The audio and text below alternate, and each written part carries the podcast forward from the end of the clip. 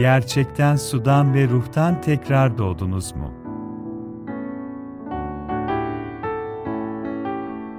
Paul Ceyon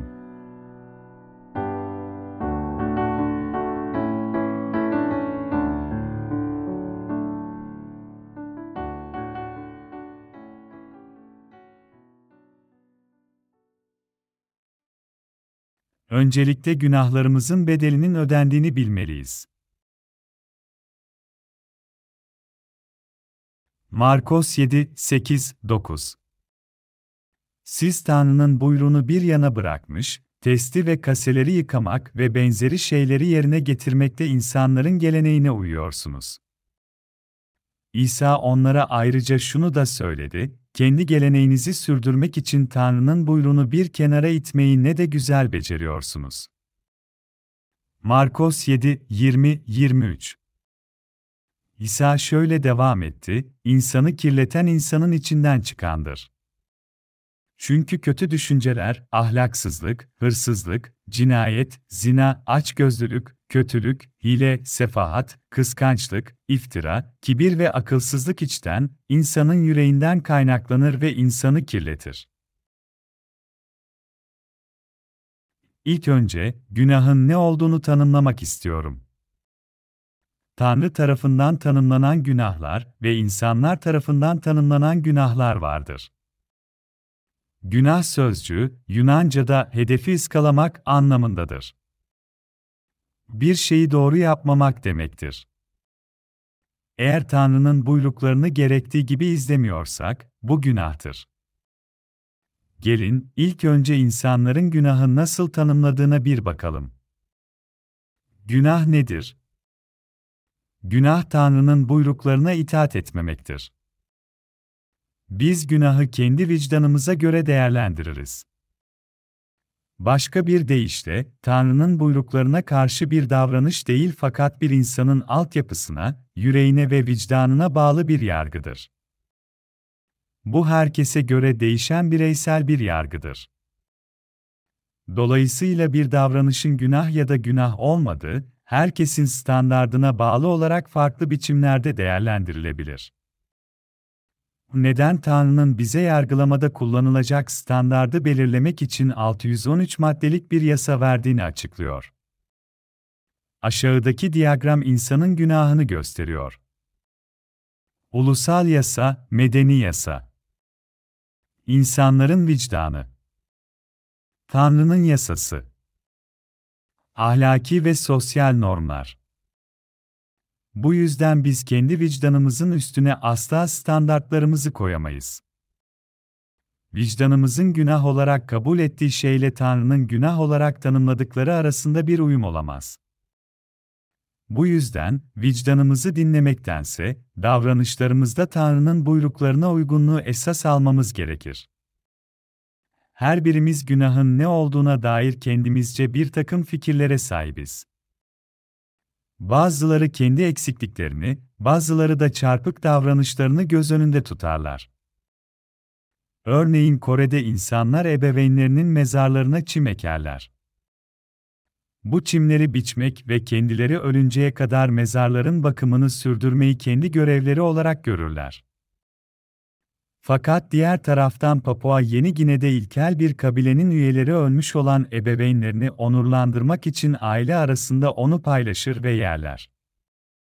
Yemeden önce pişirip pişirmediklerini bilmiyorum. Bu yolla bedenin böcekler tarafından yenmesinin önüne geçildiği görülebilir. Bu gelenekler, insanların günah kavramlarının çok değişken olduğunu gösteriyor. Aynı şey hem iyi hem de günah olabilir. Fakat kutsal kitap bize günahın, Tanrı'nın buyruklarına karşı gelmek olduğunu söylüyor. Siz Tanrı'nın buyruğunu bir kenara bırakmış insanların geleneğine uyuyorsunuz. İsa ayrıca şunu da söyledi, kendi geleneğinizi sürdürmek için Tanrı'nın buyruğunu bir kenara itmeyi ne de güzel beceriyorsunuz. Markos 7, 8, 9 Tanrı bizim dışarıdan nasıl göründüğümüzle ilgilenmez. O yüreğimizin derinliklerine bakar. İnsanın kendi ölçütleri Tanrı önünde bir günahtır. En ciddi günah nedir? Tanrı'nın sözüne önem vermemektir. Tanrı önünde neyin günah olduğunu söylememe izin verin. Tanrı önünde en büyük günah, onun isteğine göre yaşamayı başaramamaktır. Tanrı, Ferisilerin ikiyüzlü olduğunu düşünüyordu. Hangi Tanrı'ya inanıyorsun? Bana gerçekten saygı ve hürmet duyuyor musun? Benim adımı övüyorsun peki gerçekten beni yüceltiyor musun? İnsanlar yalnızca dış görünüşe önem verir fakat onun sözünü önemsemezler. Bu onun önünde günahtır. En ciddi günah, onun sözüne önem vermemektir. Bunun farkında mısınız? Bu tüm günahların üstünde bir günahtır. Bizim zayıflığımız sadece hatalar, yalnızca sınırı aşmalardır. Kusursuz olmadığımız için işlediğimiz hatalar ve yaptığımız yanlışlar, temelde günah değil fakat suçtur.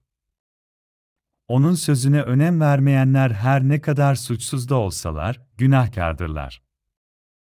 İsa Ferisileri bu nedenle azarladı. Tekvinden tesniyeye kadar olan beş kitapta bulunan emirler neyi yapacağımızı ve neyi yapmayacağımızı bize söylüyor.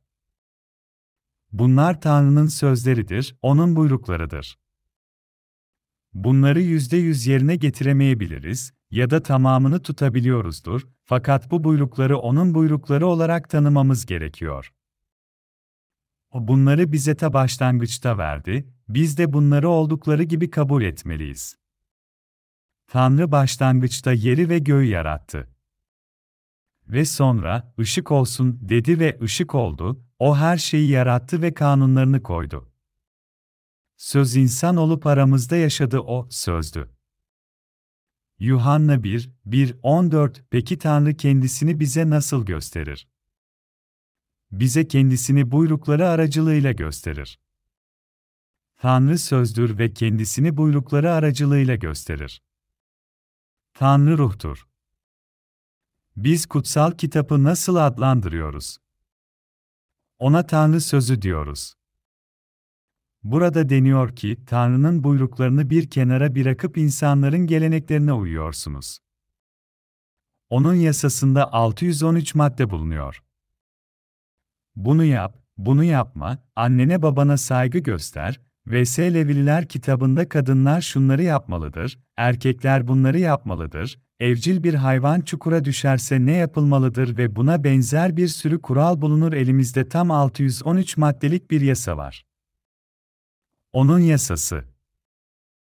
Fakat bunlar insanların söylediği sözler olmadığı için üzerlerinde tekrar tekrar düşünmeliyiz. Tanrı'ya itaat etmeliyiz. Her ne kadar yasasının tümünü tutamasak da en azından bilmemiz gerekir. Tanrı'nın doğru olmayan tek bir sözü var mıdır? Ferisiler Tanrı'nın buyruklarını bir kenara bıraktılar. İnsanlar geleneklerini onun buyruklarının üzerinde tuttular. İhtiyarların sözleri, Tanrı'nın sözlerinden çok daha fazla yük getiriyordu. İsa doğduğu zaman bu böyleydi. İnsanlar, Tanrı sözünü tanımadığında İsa bundan hoşlanmadı. Tanrı bize onun gerçek olduğunu, bizim Tanrımız olduğunu, onun önünde günahlarımızın neler olduğunu ve kendi kutsallığını öğretmesi için 613 maddelik bir yasa verdi. Onun önünde hepimiz günahkar olduğumuz için bize olan sevgisine ve imanla yaşayabilmemiz için Tanrı'nın bize gönderdiği İsa'ya inanmamız gerekiyor.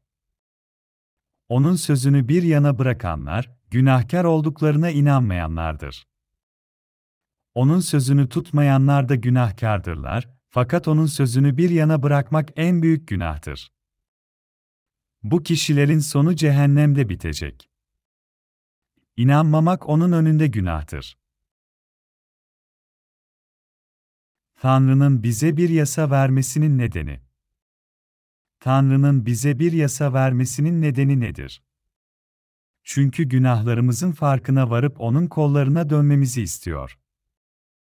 Bize kendi günahlarımızın farkına varalım ve İsa aracılığıyla günahlarımızın bedeli ödensin diye 613 maddelik bir yasa verdi. Bu Tanrı'nın bize yasayı verme nedenidir. Tanrı neden bize yasayı verdi? Kendi günahlarımızın ve onların cezalarının farkına varmamızı sağlamak için. Romalılara mektupta, çünkü yasa sayesinde günahın bilincine varılır deniyor. Böylece yasayı bize, onunla yaşamaya zorlamak için vermediğini biliyoruz. Peki bu yasanın bize getirdiği kazanç nedir? Yasayla, yasanın tamamına uymakta çok zayıf olduğumuzu ve onun önünde günahkarlar olduğumuzu görüyoruz. Ve onun 613 maddelik yasasında neyin bilincine varıyoruz? Bu yasayla, kendi eksikliklerimizi ve onun yasasıyla yaşamak için yetersiz olduğumuzu görüyoruz. Tanrı'nın yarattıklarının yetersiz varlıklar olduğunu anlamamızı sağlıyor. Onun önünde hepimizin günahkar olduğumuzu ve bizlerin yasa karşısında cehennemlik olduğunu gösteriyor. Günahlarımızın ve zayıflığımızın farkına vardığımızda ne yapmalıyız? Eksiksiz bir varlık mı olmaya çalışmalıyız? Yapmamız gereken, günahkar olduğumuzu kabul edip, İsa'ya inanmak, onun ruhunun ve suyunun, günahlarımızın bedelini ödeyip bizi kurtardığını kabul etmek ve ona teşekkür etmektir. Bu yasanın bize verilmesinin amacı, günahlarımızın cezasının farkına varıp, İsa olmadan cehennemden kurtulamayacağımızın bilincine varmamızı sağlamaktır. İsa'ya kurtarıcımız olarak inandığımızda kefaretimizi öder. Bizi kurtarmak için bize yasayı verdi. Bize yasayı tamamen günahkar olduğumuzu göstermek ve ruhlarımızı kurtarmak için verdi. Bize yasayı verdi ve bizi kurtarmak için İsa'yı gönderdi. Vaftiziyle günahlarımızı üzerine alması için kendi oğlunu verdi. Ve biz ona iman etmekte kurtulabiliriz. Ümitsiz günahkarlar olduğumuzu görmek, günahtan özgür olabilmek ve onun çocukları olarak Tanrı'nın şanına dönebilmek için İsa'ya inanmamız gerekiyor. Onun sözünü anlamalıyız. Her şeyin başlangıcı ondan gelir. Biz de onun sözüyle başlayıp onun sözü aracılığıyla kurtuluşun gerçeğini anlamalıyız. Onun sözü aracılığıyla düşünmeli ve karara varmalıyız. Bu doğru ve gerçek imandır. İnsanın yüreğinde ne vardır? İman onun sözüyle başlamalıdır ve biz onun sözü aracılığıyla Tanrı'ya inanmalıyız. Aksi takdirde yanlış düşüncelere kapılabiliriz. Bu da yanlış iman olabilir. Ferisiler ve yazıcılar İsa'nın öğrencilerini yıkanmamış ellerle ekmek yerken gördüklerinde, bu durumu Tanrı sözüne göre değerlendirmiş olsalardı, onları azarlamayacaklardı. Söz bize, dışarıdan insanın içine giren hiçbir şeyin onu kirletmeyeceğini, çünkü bunun kalbe değil, mideye gittiğini ve dışarı atıldığını söylüyor. Markos 7, 20-23'te dendiği gibi, insanı kirleten, insanın içinden çıkandır. Çünkü kötü düşünceler, ahlaksızlık, hırsızlık, cinayet, zina, açgözlülük, kötülük, hile, sefahat, kıskançlık, iftira, kibir ve akılsızlık, insanın yüreğinden kaynaklanır. Bu kötülüklerin hepsi içten kaynaklanır ve insanı kirletir. O insanların günahkar olduğunu, çünkü günahla doğduklarını söylüyor. Bunun ne anlama geldiğini görebiliyor musunuz? Hepimiz Adem'in torunlarıyız. Onun bütün sözlerine inanmadığımız için gerçeği ne kabul edebilir ne de inanırız. İnsanın yüreğinde ne var acaba? Şimdi Markos 7, 21, 22'ye bakalım, çünkü kötü düşünceler, ahlaksızlık, hırsızlık, cinayet, zina, açgözlülük, hile, sefahat, kıskançlık iftira, kibir ve akılsızlık içten, insanın yüreğinden kaynaklanır. Tüm bunlar insanın yüreğinden kaynaklanır ve hem kendisini hem de başkalarını kirletir. Mezmurlarda da yazılmıştır, seyrederken ellerinin eseri olan gökleri oraya koyduğun ayı ve yıldızları, şöyle diyorum, insan nedir ki onu düşünesin, insanoğlu nedir ki onunla ilgilenesin. Mezmurlar 8, 3, 4 Bizimle neden ilgilensin? Bizimle ilgileniyor, çünkü bizi seviyor. Bizi yarattı, bizi sevdi ve biz günahkarlara acıyarak baktı. Günahlarımızın tüm kusurlarını kapattı ve bizi kendi halkı yaptı. Ya Rab, bizim Tanrımız, tüm yeryüzünde adın ne yücedir, görkemin göklerin üstüne yükselir. Kral Davut, eski antlaşmada Tanrı'nın tüm günahkarların kurtarıcısı olduğunu anladığında bu mezmuru söylemişti. Yeni antlaşmada elçi Pavlus aynı şeyi söylüyor. Tanrı'nın yarattıkları, şaşırtıcı bir şekilde onun çocukları olabiliriz. Bu sadece bize olan merhameti aracılığıyla gerçekleşir. Bu Tanrı'nın sevgisidir. Tanrı'nın yasasını tamamlayarak yaşamaya çalışmak onunla mücadele etmenin bir yoludur. Bu aynı zamanda bizim cehaletimizden kaynaklanan bir düşüncedir. Yasaya uymaya ve duayı sürdürmeye çalışırken, otun sevgisinin dışında yaşamak doğru değildir. Yasa aracılığıyla günahkar olduğumuzun farkına varmak ve su ve kan yoluyla, ruh kurtulacağımıza inanmak, Tanrı'nın isteğidir. Markos 7, 23'te yazılı olan kendi sözünde, insanı kirleten insanın kendi içinden çıkandır. Çünkü kötü düşünceler, ahlaksızlık, hırsızlık, cinayet, zina, açgözlülük, kötülük, hile, sefahat, kıskançlık, iftira, kibir ve akılsızlık içten insanın yüreğinden kaynaklanır.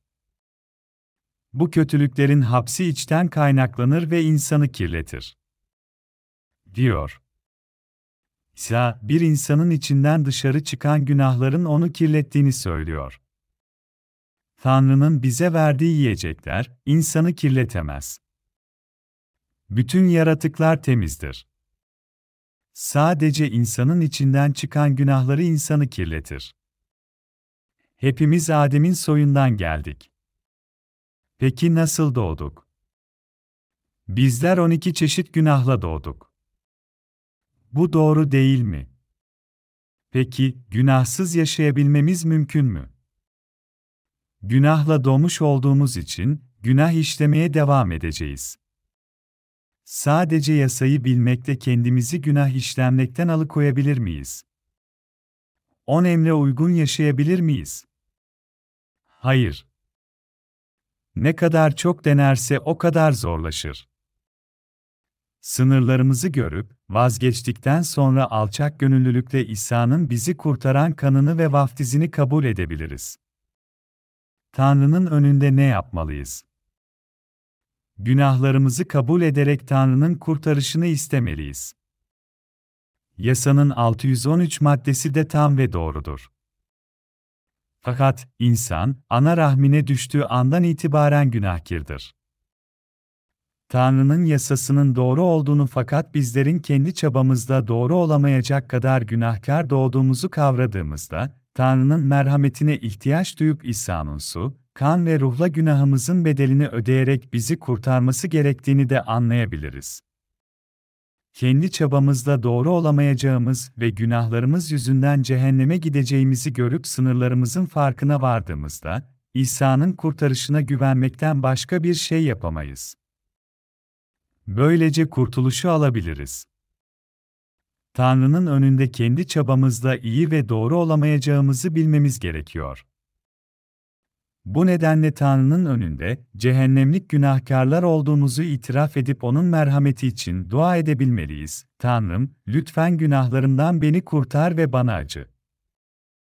Tanrı'nın yazdığı Davud'un duasına bir bakalım, böylece konuştuğun zaman adil olacaksın, yargıladığında da hatasız.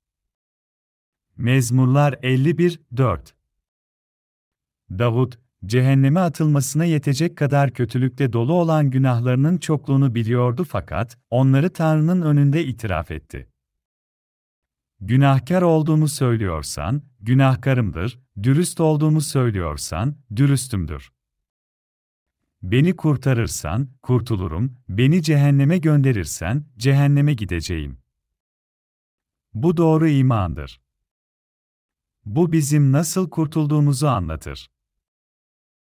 İsa'nın kurtarışına inanmaya hazır olduğumuzu ümit ediyorsak nasıl olmamız gerektiğini gösteren bir anlatımdır. Günahlarımızın neler olduğunu tam anlamıyla bilmemiz gerekiyor. Adem'in torunları olduğumuz için hepimiz yüreğimizde Adem'in kötü arzularına sahibiz. Fakat Tanrı bize ne diyor? Tanrı bize zina etmeyeceksin, diyor. Yüreklerimizde cinayet var fakat Tanrı bize ne diyor? O bize öldürmeyeceksin, diyor. Hepimiz yüreklerimizde, ebeveynlerimize meydan okuyoruz, fakat o bize annene, babana saygı göster, diyor. Onun sözlerinin iyi ve doğru olduğunu, fakat bizlerin, hepimizin yüreğinde günah bulunduğunu görüyoruz. Doğru mu söylüyorum, yanlış mı? Öyleyse Tanrı'nın önünde ne yapmalıyız? Günahın halkı, ümitsiz günahkarlar olduğumuzu itiraf etmeliyiz. Dün dürüstlük ve iyi işler yaptık, fakat bugün günahkirız, çünkü günah işledik diye düşünmek, doğru bir düşünce tarzı değildir. Biz, günahkar olarak doğduk.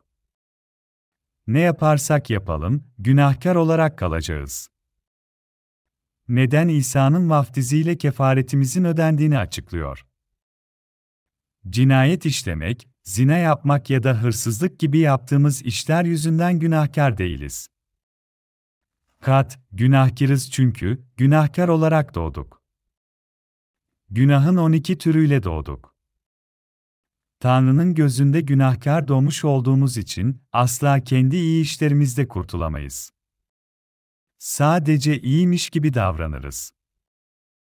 Bir katil ya da hırsız gibi günah dolu bir beyinle doğduk. Sadece bu günahları işlemediğimiz halde, nasıl tam anlamıyla kurtulabiliriz? Tanrı'nın önünde kendi çabamızda haklı çıkamayız. Eğer dürüst olduğumuzu söylersek ikiyüzlülük etmiş oluruz. İsa ferisileri ve yazıcıları, ikiyüzlü ferisiler ve yazıcılar olarak çağırdı. İnsanlar günahkar doğarlar. Tanrı'nın önünde, başından sonuna dek yaşamlarıyla günah işlerler. Bir kimse kimseyle kavga etmediğini ya da dövmediğini, hayatı boyunca kimseden bir şey çalmadığını söylerse tüm hayatı boyunca yalan söylüyor demektir. Çünkü tüm insanlar günahkar doğarlar. O bir yalancı, günahkar ve ikiyüzlüdür. Tanrı onu böyle görüyor. Siz günahkar olarak doğdunuz. Yasanın çoğunu yerine getirip on emirin büyük bir kısmını tutsanız bile cehennemlik bir günahkar olarak kalmaya devam edeceksiniz. Böyle bir kadere karşı ne yapabiliriz? Onun merhametini arayıp günahlarımızdan bizi kurtaracağına güvenmeliyiz. O bizi kurtarmazsa kurtulamayız, cehenneme gideriz. Bu bizim sonumuzdur. Onun sözünü kabul edenler aynı zamanda gerçekten günahkar olduklarını kabul ederler. Ve doğru olduklarını da bilirler. Bu nedenle onun sözünü tanımadan, onun sözünü terk etmenin günah olduğunu bilirler. Onun sözünü kabul edenler, önceden günahir oldukları halde, şimdi dürüst olanlardır. Onun sözüyle tekrar doğarak, onun lütfunu alırlar. Onlar en çok bereketlenenlerdir. Kendi yaptığı işler yoluyla aklanmayı deneyen hala günahkirdir. İsa'ya inandığı halde kim günahkar olarak kalmaya devam eder? Yaptığı işler aracılığıyla aklanmaya çalışan kişi. Galatyalılara mektup 3, 10 ve 11'i okuyoruz, yasanın gereklerini yapmış olmaya güvenenlerin hepsi lanet altındadır. Çünkü şöyle yazılmıştır, yasa kitabında yazılı olan her şeyi sürekli yerine getirmeyen her insan lanetlidir. Açıktır ki hiç kimse yasayla aklanamaz. Çünkü imanla aklanan insan yaşayacaktır. Burada yasa kitabında yazılı olan her şeyi sürekli yerine getirmeyen her insan lanetlidir yazıyor. İsa'ya inanan fakat yaptığı işler yoluyla kendini haklı çıkarmaya çalışan her kimse lanetlidir. Yaptıkları işlerle kendilerini haklı çıkarmaya çalışan bu insanlar ne durumdalar acaba? Onlar Tanrı'nın laneti altındadırlar. Tanrı bize neden yasayı verdi? Bize yasayı günahlarımızı görebilmemiz için verdi. Romalılar 3.20 tamamen günahkar olduğumuzu ve cehenneme gitmeyi hak ettiğimiz anlamamız için bize yasayı verdi. Bu nedenle yapmanız gereken, İsa'nın vaftizine, Tanrı'nın oğluna ve su ve ruhtan tekrar doğmaya inanmaktır. Böylece günahlarınızdan kurtulup doğru olacak ve ebedi hayatı kazanıp cennete gideceksiniz. Yüreğinizde iman olacak. Dünya üzerindeki en kendini bilmez günah. Dünyadaki en kendini bilmez günah nedir? Yasa yoluyla yaşamayı denemek. Tanrı'ya inanmak dışında her şey hiçtir. Onun kutsaması aracılığıyla imana sahip olarak kutsanıyoruz. Onun sözüne iman edenleri kurtarmaya karar verdi. Fakat bugün, inananlar arasında onun yasası aracılığıyla yaşamayı deneyenler var. Çoğu Hristiyan böyledir. Yasaya uygun olarak yaşamaya çalışmaları övgüye değer bir davranış, fakat bu nasıl mümkün olabilir? Onun yasasına uygun bir hayat yaşamaya çalışmanın ne kadar aptalca olduğunu görmemiz gerek. Yerine getirmek için ne kadar çok çaba harcarsak, başarmak o kadar güçleşir. Bize iman işitmekte gelir, işitmek de Tanrı sözü aracılığıyla diyor. Kurtulabilmek için öncelikle gururumuzu bir kenara atmamız gerek. Kurtulmak için abullerimizden vazgeçmeliyiz. Kurtulmak için ne yapmalıyız? Kendi kabullerimizden vazgeçmeliyiz. İnsan nasıl kurtulabilir? İnsan, günahkar olduğunu kabul ederek kurtulabilir. Kendi doğru olmayan davranışlarını ve inançlarını bırakamadığı için kurtulamayan pek çok insan var. Tanrı, yasanın yazıldığı kitaba tutunanların lanetli olduğunu söylüyor. Hem İsa'ya inanıp hem de yasaya uygun yaşayarak yavaş yavaş doğruluğa erişeceğine inananların hepsi Tanrı'nın laneti altındadır. Onlar Tanrı'ya inanıyorlar fakat, kurtulabilmek için yasaya uygun yaşamaları gerektiğine de inanıyorlar. Arkadaşlar, hala yaşıyorken, yaptığımız işler aracılığıyla doğru olabilmemiz mümkün mü? Sadece İsa'nın sözüne inanmakla, dürüst kılınıp kurtulabiliriz. İsa'nın vaftizine, kanına ve Tanrı olduğuna iman edersek kurtuluruz. Tanrı'nın bizim erdemli olmamız için hazırladığı yol olarak neden iman yasasını hazırladığını gösteriyor. Suyun ve ruhun kurtarışı insanların işleriyle değil, Tanrı sözüne inanmanın imanıyla gerçekleşir. Tanrı bizi bu iman için kurtarır. Burada Tanrı'nın bunu nasıl planladığını ve tamamladığını görüyoruz. Neden İsa'ya inanan bu kişiler kurtulmadı? Çünkü onlar suyun ve ruhun kurtarışının sözünü kabul etmediler. Onlar kusursuz olmadığı gibi biz de kusursuz değiliz, fakat Tanrı'nın sözüne iman etmekte kurtarıldık. Değirmende çalışan iki kişiden biri alınacak ve diğeri bırakılacak geride kalan, kurtarılmayacak olandır ve tek başına gidip kurtuluşu bulmak için uğraşması gerekecek. Neden biri bırakıldı ve diğeri alındı? Çünkü alınan Tanrı'nın sözünü dinleyip inandı. Yasayı tutmak için uğraşan diğeri ise cehenneme atıldı. O Tanrı'ya ulaşmak için sürünmeyi deniyordu. Fakat Tanrı, bizim bacağımıza tırmanan bir böceği silkelememiz gibi onu silkeleyip attı. Eğer bir insan Tanrı'ya yasayı tutarak ulaşmaya çalışırsa kesinlikle cehenneme atılır. Bu nedenle suya ve ruha iman ederek kurtuluyoruz. Yasanın gereklerini yapmış olmaya güvenenlerin hepsi lanet altındadır. Çünkü şöyle yazılmıştır, yasa kitabında yazılı olan her şeyi sürekli olarak yerine getirmeyen her insan lanetlidir. Çünkü Tanrı'nın insanı akladığı müjdede açıklanır. Aklanma yalnız imanla olur. Yazılmış olduğu gibi, imanla aklanan yaşayacaktır. Galatyalılar 3, 10, 11, Romalılar 1, 17 Tanrı'nın sözüne inanmamak Tanrı'nın önünde bir günahtır. Kişinin kendi kabullerine göre Tanrı'nın sözünü bir kenara bırakması da bir günahtır. Bizler insani yaratıklar, onun yasasına göre yaşayamayız, çünkü hepimiz günah içinde doğduk. Ve hayatımız boyunca günah işlemeye devam ediyoruz. Şu günahı işleriz, bu günahı işleriz ve böyle sürüp gider. Etten başka bir şey değiliz ve günahtan başka hiçbir şeye yaramayız. İnsan büyük bir kova gübreye benzer. Onu taşımayı denediğimizde içindekiler yol boyunca etrafa saçılır.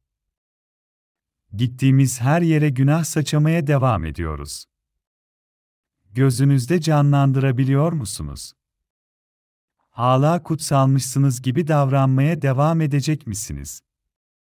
Kendinizi açıkça görebildiyseniz, boş yere kutsal olmaya çalışmaktan vazgeçip suya ve İsa'nın kanına inanabilirsiniz. Dik başlılığımızı üzerimizden atıp Tanrı'nın önünde günahkar olduğumuzu itiraf etmeye ihtiyacımız var. Sonra geri dönüp bizi su ve ruhla nasıl kurtardığını bulmalıyız.